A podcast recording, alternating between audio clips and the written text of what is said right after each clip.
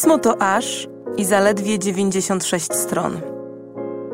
Jeśli czujesz niedosyt po jego lekturze, przychodzę z pomocą. Oto podcast a propos, w którym polecam co przeczytać, co obejrzeć i czego posłuchać, aby poszerzyć swoje horyzonty i wiedzę. Zapraszam, Zuzanna Kowalczyk.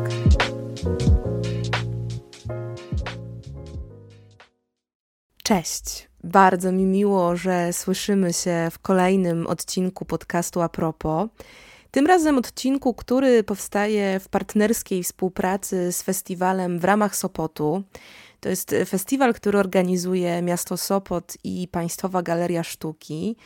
I jest to takie coroczne wydarzenie skierowane przede wszystkim do miłośników fotografii artystycznej, którego tegoroczna ósma edycja potrwa od 2 do 18 września. I jest to o tyle wyjątkowe wydarzenie, że koncentruje się ono przede wszystkim na zapewnieniu polskim i zagranicznym, europejskim fotografom i fotografkom rezydencji artystycznych, w wyniku których później powstają właśnie super ciekawe wystawy dostępne dla publiczności festiwalu. A wystawom tym towarzyszą premiery nowych cykli fotograficznych różnych czołowych polskich artystów, pokazy fotografii autorstwa studentów łódzkiej szkoły filmowej czy gdańskiej ASP, ale też na przykład pokazy filmów dokumentalnych o różnych mniej i bardziej znanych fotografach i fotografkach. Więc nie ukrywam, że bardzo mnie ta współpraca cieszy, bo dzięki niej mogę stworzyć dla Was odcinek. No, tu nie będzie większych zaskoczeń. Odcinek a propos fotografii. A skoro odcinek a propos fotografii i to w odniesieniu do festiwalu fotografii artystycznej, to odświeżyłam sobie kilka lektur. Lektur jeszcze z czasów studiów, które, no właśnie, albo jako pierwsze, albo jako najważniejsze, jako najbardziej odkrywcze, podjęły ten kluczowy namysł nad tym, czy, no albo kiedy fotografię można uznać za sztukę. Czyli jak to zapośredniczenie maszyny, technologii wpływa na proces twórczy, to być może nie jest w ogóle dyskusja, która wydaje się jakkolwiek aktualna. Dziś raczej dość swobodnie fotografię zaliczamy w poczet sztuki, ale nie było tak zawsze. Gdy fotografia się narodziła, miała raczej status takiej nowinki technologicznej, która miała charakter wyłącznie dokumentalny, wspierający naukę, rozwijający technologię, a o sztuce myślało się raczej w taki bardzo tradycyjny, manualny sposób. I y, jednym z takich głównych myślicieli, którzy podjęli te refleksje mniej więcej wiek temu, był Walter Benjamin. Gdy się studiuje jakieś e, sztuko czy kulturoznawcze kierunki, to Benjamina czyta się naprawdę sporo. Bo to właśnie Benjamin udzielił dość e, przekonującej odpowiedzi na to istotne pytanie o status fotografii w kontekście sztuki którego problematyczność tak naprawdę wynika poniekąd z faktu, że łączy się ono z wyzwaniem określenia y, w ogóle, czym w takim razie jest sztuka, y, gdzie stawiamy te jasne granice definiujące, co jak wiemy nie jest pytaniem ani prostym, ani jednoznacznym. A Benjamin zwrócił uwagę na to, y, jak ta definicja jest i musi być ruchoma wobec w ogóle zmian, jakie zachodzą w sztuce, w polityce, w technologii, w naszym rozumieniu i postrzeganiu świata i twórczości człowieka. A zatem, że po prostu powinniśmy uznać, że fotografia zmieniła sztukę, a nie że sztuka w tym takim bardzo antytechnologicznym, archaicznym ujęciu jest jakąś nienaruszalną definicją. I jeśli kogoś z Was właśnie ten namysł interesuje, taki bardziej teoretyczny, ale też filozoficzny, w formie eseju, to polecam Wam bardzo rozprawy estetyczne Beniamina z jego zbioru Twórca jako wytwórca oraz y, małą historię fotografii. To są takie absolutne klasyki w tym temacie powstawania i rozwijania się medium fotografii oraz kinematografii. Bardzo często właśnie w zderzeniu, porównaniu z obrazami malarskimi. W książkach tych w ogóle Benjamin pisał o tym, jak technologia tak naprawdę zmienia ogląd twórczości i zakres tejże twórczości, potencjał twórczości. Pisał również o tym, że zdjęcie jest sztuką wtedy, kiedy wyzwala się ze swojego kontekstu, czyli wtedy, gdy buduje jakiś odbiór emocjonalny, intelektualny, e, czyli gdy stwarza coś, co Benjamin nazwał aurą. Aurą, czyli jakimś takim ładunkiem tajemnicy, niedopowiedzenia, oddziaływania na wrażliwość. Nie są to właśnie przemyślenia jakoś wybitnie odkrywcze we współczesnym kontekście, ale jak na czasy ich powstania, to odkrywcze były jak najbardziej i właściwie to one w sporej mierze opisały jakoś ten zakres przemian, które dokonały się od powstania pierwszych fotografii, e, czy też wtedy dagerotypów. A czysto dygresyjnie musicie wiedzieć, że z dużo większą łatwością przyznano ten status sztuki filmowi z racji tego, że film łączył się z montażem, czyli taką bezpośrednią, wręcz fizyczną interwencją w taśmę, czyli tą materię wytworzoną przez maszynę. Znacznie ciężej było ten status wywalczyć fotografii, dlatego właśnie powstawały nawet fotografie, które były po wykonaniu obrabiane niemalże jak dzieła malarskie, to znaczy dosłownie w tkankę zdjęcia wnikano różnymi sprzętami plastycznymi po to, żeby tworzyć coś na wzór malarskich fotografii i w ten sposób włączyć fotografię na salony wystaw, na salony galerii sztuki. Jeśli w ogóle chcecie ten teoretyczny i taki klasyczny nurt czytelniczy w tym temacie kontynuować, to e, oprócz takich czysto historycznych książek, na pewno też sięgnijcie po książkę innego, takiego zaczytywanego na studiach kulturoznawczych autora, czyli Ronalda Barfsa, który napisał taką książkę uznawaną za jedną z ważniejszych dla refleksji wokół fotografii. Książka ta nosi tytuł Światło obrazu i Barfs wychodzi w niej od analizy zdjęcia swojej matki z dzieciństwa, zdjęcia, które ogląda zaraz po jej śmierci. I ta refleksja nad y, uchwyceniem tej kliszy z jej życia, tego momentu, prowadzi go do rozważań nad właśnie statusem fotografii, nad jej rewolucyjnością, nad tym, co fotografia robi z czasem, co robi z przestrzenią, ale też refleksji nad czymś, co Barfs nazwał punktum, czyli jakimś takim detalem, który zatrzymuje, który wywołuje w odbiorcy jakąś reakcję, jakieś odczucie. Czyli tym czymś, co nie jest po prostu informacją o świecie, jaką przekazuje fotografia. Ten szerszy zakres wymowy fotografii Barfs nazwał studium, a punktum to właśnie coś, co niesie wymiar emocjonalny, interpretacyjny, jest jakimś taką wybijającą z czysto informacyjnego przekazu rzeczą, czyli czymś trochę bliskiemu temu, co Benjamin nazywał aurą. I stąd też widać dość wyraźnie, że tak naprawdę taką centralną kwestią w dyskusji o artystycznym potencjale fotografii jest y, coś, co nazwałabym po prostu kontekstem. I właśnie o kontekście w zdjęciach całkiem sporo pisała też jedna, no chyba z najbardziej znanych eseistek XX wieku, czyli oczywiście nieodzowna tematowi fotografii Susan Zontag. I tak naprawdę kończąc ten wątek klasycznych esejów o fotografii, nie mogłam nie wspomnieć o jej książce o fotografii, czyli takim trochę podręczniku patrzenia i myślenia o zdjęciach, dostrzegania w zdjęciach y, czegoś, co bym nazwała drugim dnem, uzmysławiania sobie też ich kontekstu właśnie kulturowego, społecznego, ekonomicznego, filozoficznego. Zontag pisała o fotografii przede wszystkim jako o takim narzędziu demokratyzacji przeżyć. To znaczy, z jednej strony pisała o tym, jak fotografia redukuje przeżycia właśnie do tego wyabstrahowanego kadru, ale też jak fotografia staje się narzędziem utrwalania wspomnień i budowania takiej osobistej historii. Też pisała dużo o tym, jak fotografia jest narzędziem władzy.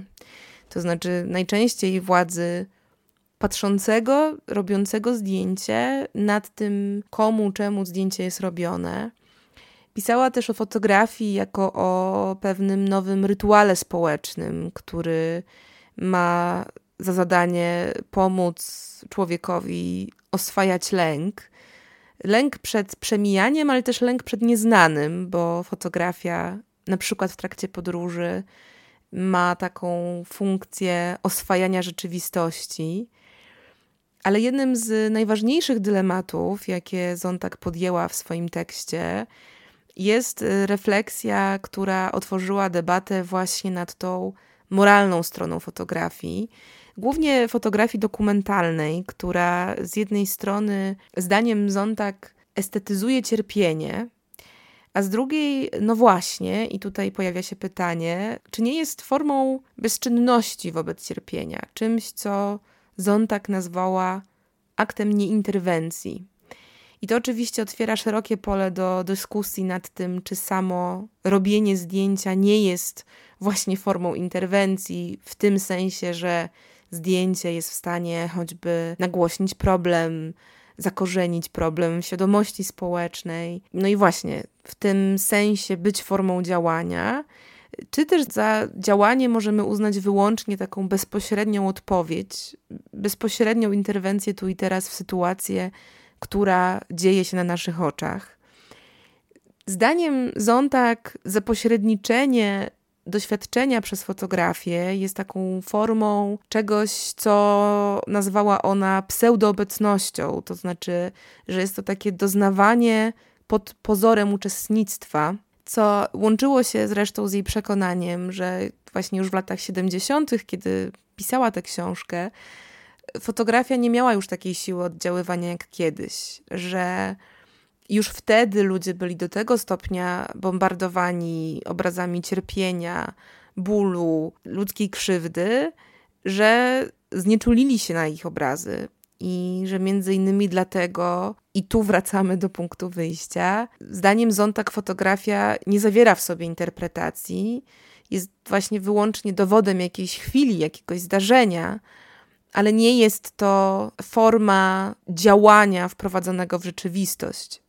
I ten wątek bardzo ciekawie rozwinęła w swoim eseju Ramy wojny, tortury a etyka fotografii, refleksje u boku Zontag, również wspaniała badaczka Judith Butler, która podjęła z Zontag rodzaj polemiki, ponieważ przekonywała, że fotografia jest formą interpretacji, bo przecież to, w jaki sposób zdjęcie jest chociażby wykadrowane, wyselekcjonowane, to znaczy co przedstawia, z jakiej perspektywy, w jaki sposób to robi, że to wszystko jest formą decyzji twórczej, a więc jest formą interpretacji rzeczywistości, a przez to formą twórczości, która ma siłę oddziaływania dokładnie taką samą jak każde inne dzieło sztuki. I stąd Butler wywodzi myśl o tym, że między innymi dlatego fotografia ma ogromną siłę budowania obrazu świata, no bo może z tego obrazu świata wyłączać lub do niego włączać. Ma też właśnie ten wymiar władzy, a więc zakorzeniania lub wykreślania jakichś problemów z tej społecznej świadomości.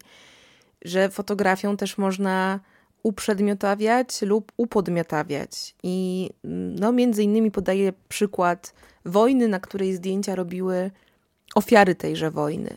I to ją właśnie prowadzi do refleksji nad tym, że owszem, istotne jest to, kto patrzy i jak to robi, ale że właśnie ten potencjał władzy ma też potencjał wywrotowy, ma taki potencjał emancypacyjny, odwracający utarte normy i w tym sensie jest rodzajem interwencji.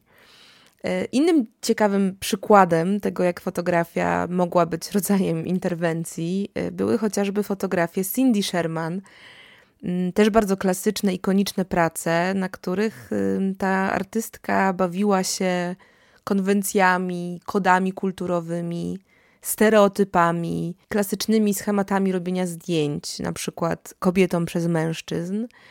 Była taką przez to ważną twórczynią, jeśli chodzi właśnie o refleksję nad y, gender, nad feminizmem, pastiszem.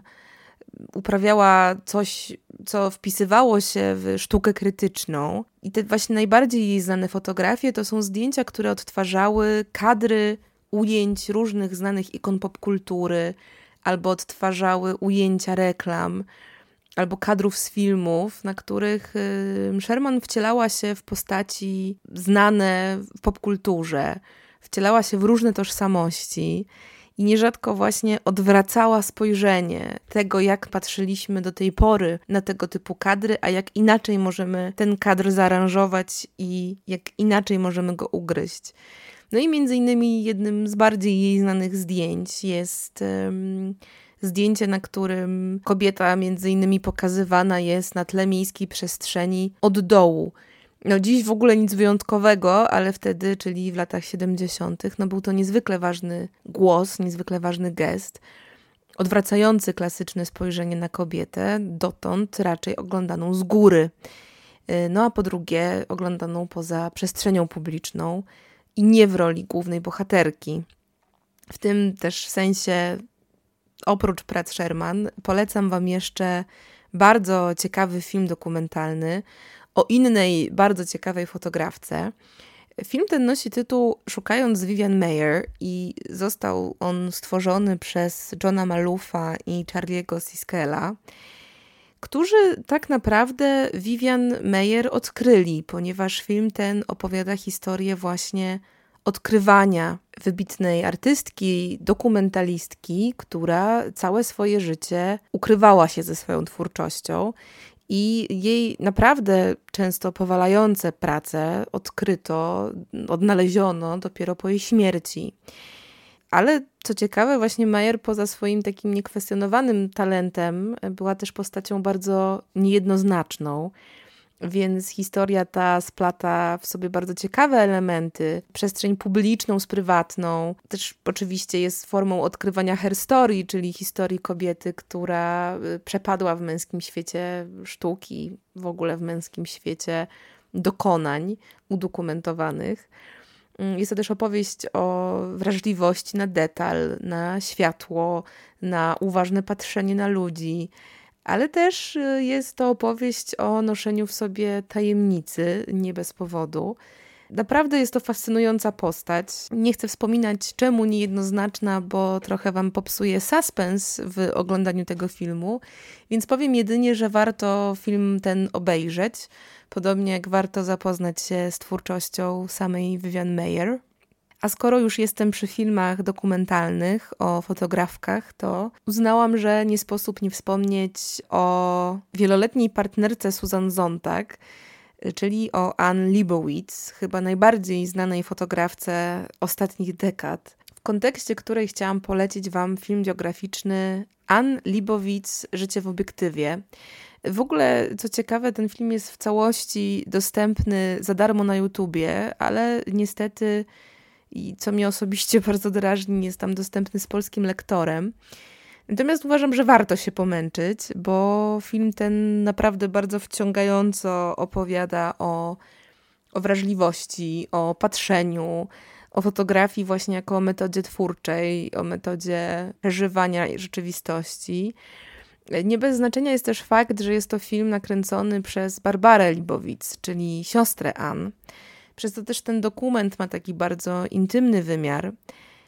A co ciekawe, jednocześnie dość uniwersalny, bo, bo opowiada też o problemach, z jakimi stykają się ludzie, którzy chcą żyć ze swojej pasji. Opowiada o niechodzeniu na kompromisy w swojej twórczości, o tym, z czego fotograf w ogóle żyje i jak może z tego żyć. Film ciekawy, choć muszę przyznać, że nie jest to najlepszy film o fotografię, fotografce, jaki widziałam, bo zdecydowanie moim ukochanym filmem w tej dziedzinie jest wspomniany już przeze mnie chyba a propos wielokrotnie Y, dokument Sól Ziemi. To jest film w reżyserii Wima Wendersa i Giuliano Ribeiro Salgado.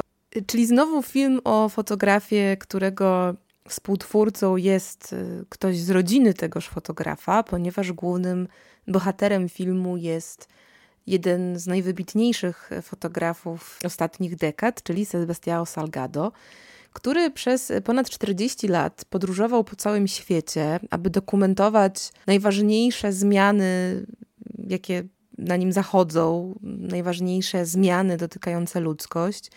I te wielkie hasła, te wielkie kwantyfikatory, których właśnie w tym przypadku używam, y, mam poczucie, że jakoś wyjątkowo dobrze się bronią, bo dorobek artystyczny Salgado jest naprawdę imponujący i ma ogromny rozmach. Takie najbardziej znane serie fotografii Salgado to jest Exodus, czyli opowieść o globalnych wędrówkach ludzi, o przymusowych migracjach, o uchodźstwie, czyli w dużym uogólnieniu o ucieczce przed czymś albo za czymś, takim właśnie bardzo monumentalnym, złożonym, globalnym wymiarze. Jest też jego genialna seria Genesis. To jest fotograficzna seria opowiadająca o no, naszej planecie, o przyrodzie, o klimacie, ale jest to wręcz taka laurka dla naszej planety i jej niezwykłości i tego, jak można w oryginalny sposób przedstawiać jej najróżniejsze zakątki. Był też bardzo znany cykl zdjęć Salgado o pracy, to się nazywało Workers, chyba najbardziej mm, znane jest też jego zdjęcie, które wykonał w kopalni złota w Brazylii. I muszę Wam powiedzieć, że dla mnie to było bardzo mocne doświadczenie, gdy nie tak dawno temu miałam okazję zobaczyć jedno ze zdjęć z tej serii Gold na żywo, mm, w niebyle jakim kontekście, ponieważ zaprezentowano je na wystawie prac Hieronima Boscha w Museum of Fine Arts w Budapeszcie. Była to naprawdę genialna wystawa, której paradoksalnie ukoronowaniem było dla mnie właśnie to zdjęcie Salgado, ale zdjęcie zestawione właśnie z tymi majestatycznymi, pompatycznymi obrazami Boscha, na których przedstawione są te wszystkie biblijne alegorie, te wszystkie obrazy schodzenia do piekieł, wkraczania w zaświaty. No i właśnie w tym otoczeniu ta fotografia tych kłębiących się jak mrówki górników, e, a właściwie nie tylko górników, ale też po prostu dzieci, które w tych nieludzkich warunkach w tych kopalniach pracują. No, są to niesamowite zdjęcia. Jest to niesamowite zdjęcie niesamowita seria zdjęć, właśnie pokazująca to schodzenie po tych drabinach w dół ziemi, po ten kruszec, który może zapewnić podstawowe warunki przetrwania. No, robi to kolosalne wrażenie w tym kontekście, który opisałam, i dla mnie to jest też doskonały dowód na to, jak fotografie Salgado są bardzo wdzięcznym polem do przekładania tych y, teoretycznych refleksji nad y, właśnie na przykład relacją pomiędzy fotografią a mm, malarstwem, albo nad relacją pomiędzy fotografem a fotografowanym w obliczu cierpienia. E, przekłuciem tych teoretycznych refleksji w praktykę. Zresztą w dokumencie Sól Ziemi ten wątek, ta wątpliwość moralna, te kwestie też wybrzmiewają. W skrócie bardzo Wam polecam i zapoznanie się z pracami Salgado i z dokumentem Sól Ziemi. A jeśli tą wystawę budapesztańską e, z pracami Boscha jeszcze gdzieś przeniosą i pokażą, to to to już jest w ogóle mocny pakiet rekomendacyjny, więc też Wam bardzo polecam. Nie ukrywam, że przy okazji właśnie takich wystaw, jak ta wspomniana, czy po prostu przy okazji takich fotografii, jak te Salgado, wraca do mnie w wielu kontekstach jedna z ciekawszych, moim zdaniem, lektur o współczesnej kulturze wizualnej, czyli książka Jak zobaczyć świat Nikolasa Mircefa. To jest książka, w której Mircef przygląda się właśnie antropologii obrazu y, w tym bieżącym kontekście i pokazuje, jak bardzo ta współczesna kultura, która jest tak silnie oparta na wizualności jako takiej, jak silnie jest spleciona właśnie z tym, co w historii z naszym patrzeniem robiło malarstwo, fotografia, później kino, dziś również nowe media. Ale ta wizualność w ujęciu Mircefa ma właśnie o wiele szersze znaczenie. Y, Mircef jako jeden z badaczy z nurtu tak zwanego Visual Studies postrzega właśnie przestrzeń pola wizualnego jako dużo szerszy zakres ludzkiej działalności. Tłumacząc to zresztą tym, że bez zrozumienia statusu obrazów i obrazów jako właśnie wszechobecnych, coraz bardziej naturalnych, jeśli chodzi o nasz wyraz, kulturowych kodów, właściwie nie jesteśmy już w stanie w pełni rozumieć i partycypować w rzeczywistości. Więc to właśnie u Mircefa przeczytacie między innymi genezę tego, skąd wzięły się we współczesnym świecie selfie. Czytacie też o tym, jak fotografia i nowe technologie zmieniły nasz obraz świata, nasze czucie świata w kontekście uzmysławiania sobie jego globalności, tego, jak silnie są ze sobą splecione różne zdarzenia, miejsca, losy ludzkie. E, jest to też w dużej mierze książka o tym, jak wizualność jest polityczna, jak też wiąże się z różnymi współczesnymi konfliktami i wojnami, jaką odgrywa w nich rolę, ale też chociażby jaką rolę odgrywa we współczesnym aktywizmie, z szerzeniem świadomości społecznej. No jest to taki rodzaj spojrzenia na obrazy od bardzo wielu różnych, nieoczywistych stron, które dla mnie poszerzają to, jak między innymi właśnie fotografie można czytać i lepiej je rozumieć, i też rozumieć lepiej ich rolę właśnie we współczesnym świecie. Dla mnie to jest w ogóle taki genialny wstęp do szerszego spojrzenia na rolę obrazów i na to, co obrazy z nami robią, jak nas zmieniają i też jak zmieniają świat, a jednocześnie jak odzwierciedlają przemiany w świecie. Co też w ciekawy sposób jakoś e, splata mi się z projektem, którego zwieńczeniem jest książka Wędrowny Zakład Fotograficzny książka Agnieszki Pajączkowskiej, która zdecydowała się na podróż przez polskie wsie i miasteczka, w których dokładnie tak jak kiedyś obwoźni fotografowie proponowała ludziom wykonanie im zdjęcia. To są takie historie, w których te zdjęcia dla mnie trochę właśnie przypominają taki stary jeszcze status fotografii. To znaczy te zdjęcia jako coś naprawdę wyjątkowego i jako taki rodzaj wręcz relikwii pamięci. A ceną za zdjęcia, które Pajączkowska tam wykonywała, e, były historie, które następnie spisała wraz z wrażeniami ze swojej podróży i to wszystko splotła właśnie w książkę Wędrowny Zakład Fotograficzny.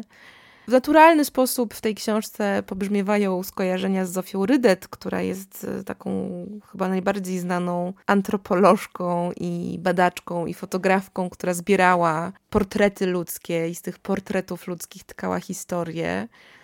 Pajączkowska robi to w zupełnie oczywiście innym kontekście i, i ma to taki trochę wymiar potraktowania fotografii jako źródła historii, źródła opowieści i też budowania relacji z drugim człowiekiem, a z drugiej strony bycia czymś niezwykle intymnym.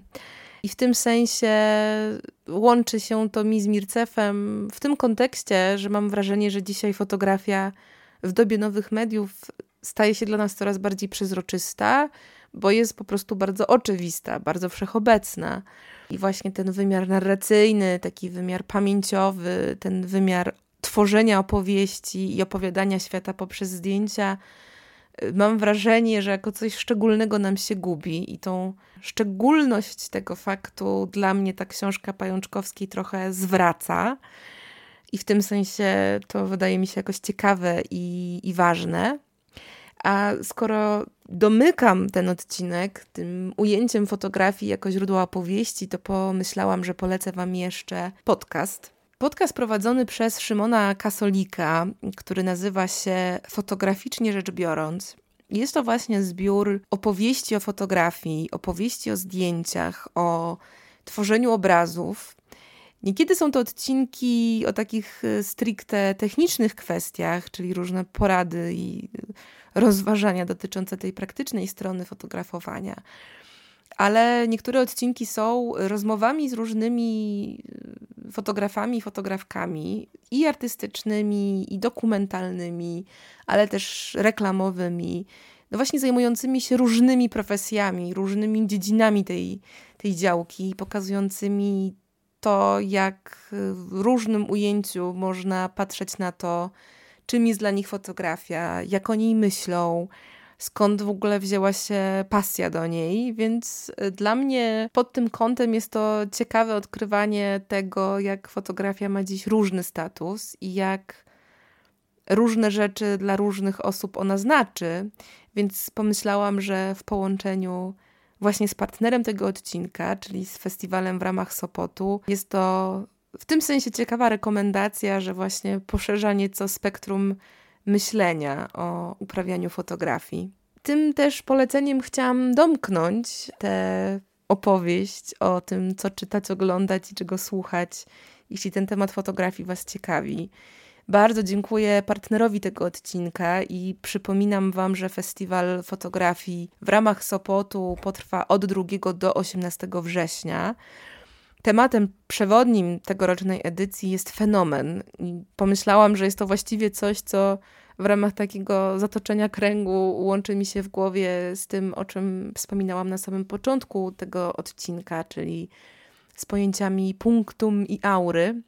Więc w poszukiwaniu takowych do Sopotu się wybierzcie. Czeka tam na Was masa ciekawych wydarzeń, wystaw, prac do obejrzenia i przemyślenia. A ja jak zawsze bardzo Wam dziękuję za wysłuchanie odcinka do końca. Jak zawsze nieśmiało przypominam e, o zapisywaniu się na newsletter Zachwyty Pisma, w którym co miesiąc dzielę się swoimi osobistymi, kulturalnymi zachwytami. I tak, jak zawsze, żegnam się z Wami słowami do usłyszenia wkrótce.